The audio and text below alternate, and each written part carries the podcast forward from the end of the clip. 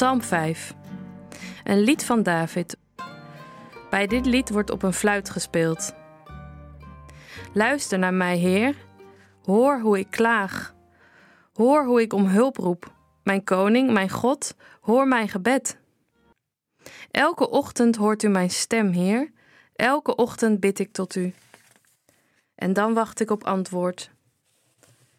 God, u kunt niet tegen onrecht. U wilt geen kwaad.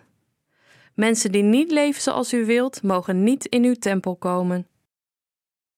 U haat mensen die kwaad doen. U vernietigt mensen die liegen. Bedriegers en moordenaars moeten verdwijnen. Maar ik mag bij u komen, want u bent goed voor mij. Ik wil u vereren en voor u knielen in uw heilige tempel.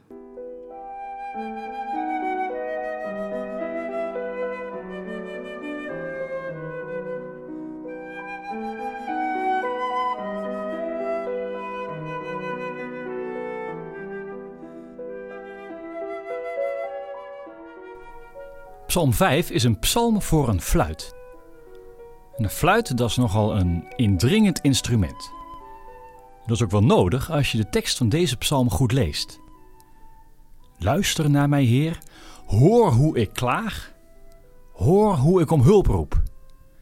Elke ochtend bid ik tot u en dan wacht ik op antwoord. Dat is heel herkenbaar. Wachten op antwoord van God. Hoe lang wacht jij? Ik persoonlijk niet lang. Het jarenlang wachten op gebedsverhoring, en die voorbeelden zijn er in de Bijbel, dat is aan mij niet besteed. Een paar dagen, dan houdt het wel op. Een paar weken, hooguit.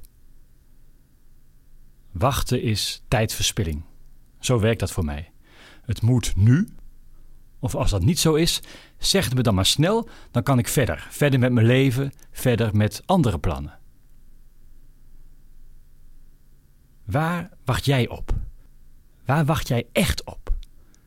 En hoeveel geduld heb jij? Hoeveel geduld heb jij met God? Hoe ver kan God bij jou gaan voordat je boos wordt? Voordat je afhaakt? En misschien moeten we met God wel wat meer geduld hebben. Misschien is Hij wel bezig met ons. En misschien is Zijn tijdsplanning wel heel anders dan de onze. En heel misschien is hij dichterbij dan je denkt. Ook al hoor je niet meteen datgene wat je zo graag wil.